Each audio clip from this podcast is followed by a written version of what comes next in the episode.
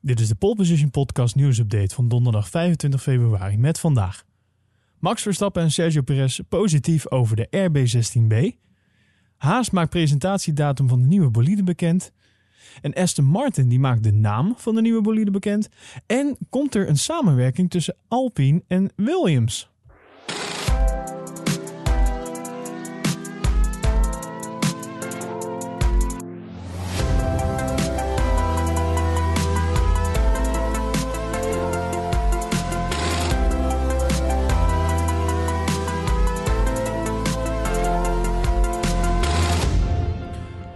Rebel Racing die kwam gisteren op het circuit van Silverstone in actie. Uh, Max Verstappen en Sergio Perez die reden zowel in de 2019 wagen, de RB15, als in de nieuwe RB16B. En uh, waar het natuurlijk vooral om gaat is die laatste auto, namelijk de, dat is de bolide voor het komend seizoen. En Sergio Perez die is na afloop erg te spreken over de eerste meters in de Red Bull, die volgens hem uh, voor het team een emotioneel moment was. Rijden met een nieuwe auto is altijd speciaal, zowel voor de coureur als voor het team. Ze hebben de hele winter zo hard gewerkt om dan eindelijk met de auto de baan op te gaan. Dat is best emotioneel, zegt de Perez. Ik denk dat er veel potentieel in de auto zit. En uh, de omstandigheden waren niet geweldig. Maar het was leuk om een gevoel te krijgen bij de nieuwe auto. Het is best spannend. Eerder deze week reed ik al met de RB15, maar vandaag kon ik een stap voelen in de algehele grip en topsnelheid. Nou, die verbeterde topsnelheid is te verklaren door de gloednieuwe Honda motor die erin zit. En die volgens de Japanse motorleverancier ook een, echt een volgende stap zou moeten zijn. Ook Max Verstappen kwam in actie. In de ochtend reed hij in de RB15 uit 2019 om uh, na de pauze in de RB16B plaats te nemen. Hij zei erover: dagen als vandaag zijn er om vertrouwd te raken met de auto en met de nieuwe krachtbron. Om te proberen alles soepel te laten verlopen en om goed voorbereid te zijn voordat we gaan testen in Bahrein. Het is altijd goed om weer in een Formule 1 auto te rijden en de eerste keer dat je de pits uitrijdt is zo'n geweldig gevoel. Nou, volgens uh, Max Verstappen zijn er duidelijk wel verschillen met de RB16 uh, van 2020 uh, ten opzichte van de nieuwe RB16B. Ook is het op de foto's wel even goed zoeken wat nou precies die verschillen zijn. Ja, de belangrijkste veranderingen zitten hem echter in de, wat de reglementen uiteindelijk hebben voorgeschreven. Namelijk onder andere die, die vloer die aangepast moest worden om de downforce te verlagen. Max zegt over, natuurlijk zijn er verschillen. Het grootste verschil is de vloer, waar een flinke hap is uitgehaald. De auto zal daar zich iets anders door gaan gedragen. En daar ging het tijdens de shakedown uh, eigenlijk helemaal niet over. Het ging erom uh, dat we als coureurs een gevoel kregen met de auto en een eerste idee kregen over de auto. Ja, en in Bahrein zullen we het echte werk moeten gaan doen. Ja, en die pre-season test die staat dus gepland van 12 tot en met 14 maart in Bahrein. En twee weken later zal daar ook het Formule 1 seizoen van start gaan. Ja, en heel erg uitkijken naar die wintertest, dat doet Verstappen eigenlijk niet. Hij zegt, ik vind het prima dat we nu uh, maar drie testdagen hebben. En dus maar anderhalve dag per coureur. Want die zes testdagen uit het verleden, die vond ik vrij veel en ook saai.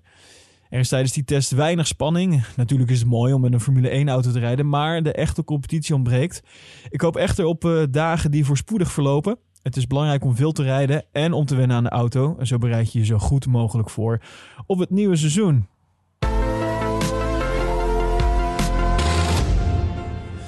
Dan het team van Haas. Dat heeft als laatste team een datum naar buiten gebracht voor de lancering van de bolide waarmee ze aankomend seizoen gaan rijden. Op donderdag 4 maart wordt het doek uh, online van de VF21 uh, getrokken. En daarmee is dus de lijst compleet. McLaren, Alfa Tauri, Alfa Romeo en Red Bull Racing die hebben hun wagens voor 2021 inmiddels al gepresenteerd. En dat betekent dat er nog zes onthullingen ja, op de lijst staan. pak je agenda er eventjes bij. die gaan namelijk allemaal in de eerste helft van maart plaatsvinden. Op 2 maart zal namelijk, uh, zullen Mercedes en Alpine hun auto's bekendmaken. Mercedes zal de W12 onthullen en Alpine de A521. Het zal allebei online gebeuren. Dan 3 maart is Aston Martin aan de beurt. En die hebben ook de nieuwe naam van de bolide bekendgemaakt. Daar ga ik het zo even over hebben. En dat zal gaan gebeuren in, uh, in Engeland op de fabriek. Dan 4 maart, dan is Haas aan de beurt dus voor die VF21. Ook dat zal online gaan gebeuren. 5 maart is Williams aan de beurt met de FW43B. En 10 maart uh, is Ferrari dan de hekkersluiter, want dan zullen zij de SF21 in Maranello gaan onthullen. En dat, ook dat zal online gebeuren. En ja, dan gaan we maar gelijk even door naar die nieuwe naam van Aston Martin. Wat, is dat dan? Aston Martin, uh, het voormalig Racing Point, dat heeft uh, met die naamsverandering van het team dus ook een naamsverandering uh, voor de auto ingepland. En ondanks dat het chassis eigenlijk van vorig jaar gewoon wordt gebruikt. Nou, die naam is tot nu toe dus nog niet bekend, maar inmiddels heeft het team laten weten dat de bolide voor 2021 de AMR 21 zal heten. Heel erg origineel. AMR, Aston Martin Racing. Het team schat in dat zo'n 50% van de succesvolle eh, RP20, hè, de Racing Point 20, ze zijn niet heel erg creatief trouwens met de naam hè, bij Aston Martin.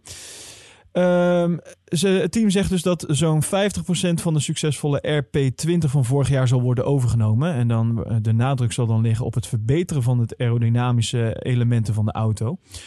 De auto van Aston Martin wordt dus op 3 maart uh, tijdens een digitaal evenement gelanceerd. En uh, ja, op het eerste gezicht zal de AMR21 er wel echt helemaal anders uit gaan zien dan zijn voorganger. Nou, en de grote reden eigenlijk daarvoor, en het is ook al eerder aan bod gekomen in deze podcast, is namelijk dat de Oostenrijk, het Oostenrijkse waterbedrijf BWT niet langer titelsponsor is. En dat betekent dat de roze verf, uh, die is eraf geschraapt. En dat heeft plaats moeten maken voor het Britse Racing Green. Aston Martin die keert dit seizoen uh, na 61 jaar terug in de Formule 1. En die uh, terugkeer die wordt eigenlijk wel mede mogelijk gemaakt. Deze terugkeer wordt mede mogelijk gemaakt door Lawrence Stroll. Hij heeft namelijk het, het oer-Britse sportwagenmerk nieuw leven ingeblazen. En Stroll die staat aan het hoofd van een zakelijk consortium dat in 2018 Force India overnam. En later werd de autoproducent Aston Martin dus ingelijfd. En waarna dus een samenvoeging van de F1-stal en de autofabrikant volgde. Nou, Aston Martin die heeft wel grote ambities. Het wil namelijk dit jaar uh, de aanval in gaan zetten op de derde plek in het kampioenschap. Achter uh, Mercedes uh, en Red Bull. En vanaf 2022 met de, de, nieuwe ground effect wagens en met Mercedes motoren... verwachten ze daarmee eigenlijk te kunnen gaan strijden om de titel.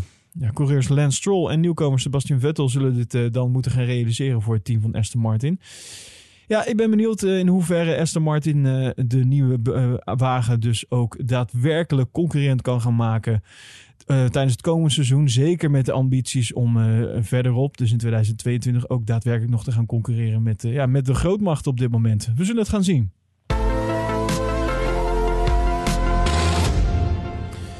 Ja, en dan gaan we naar Alpine, want die verliest dit jaar McLaren als afnemer van de Renault-motoren. En is in 2021 eigenlijk het enige team op de grid dat geen partnerschappen heeft met andere teams.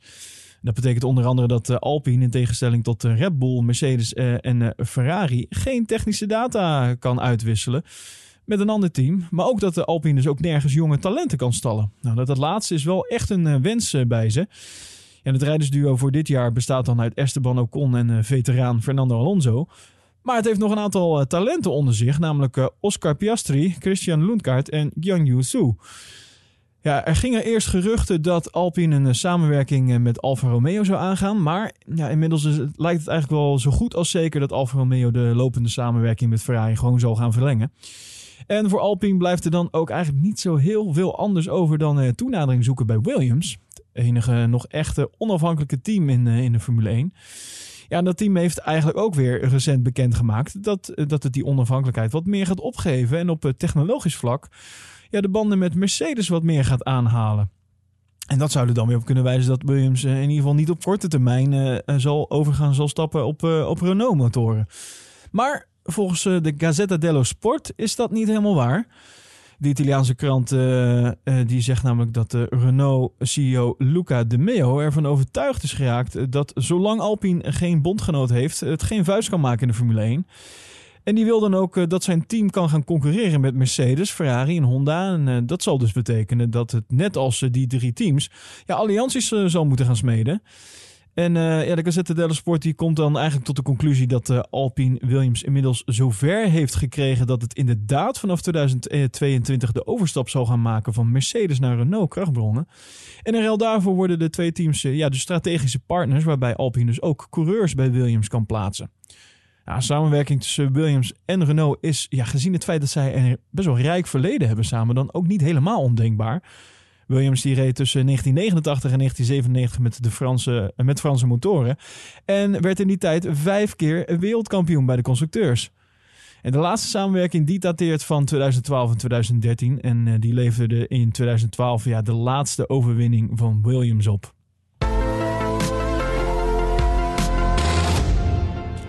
En voor meer nieuws en feitjes ga je naar ons Instagram-account @polepositionnl. Vergeet je niet te abonneren op de podcast uh, via jouw favoriete podcast-app uh, om op de hoogte te blijven van het laatste nieuws over de Formule 1.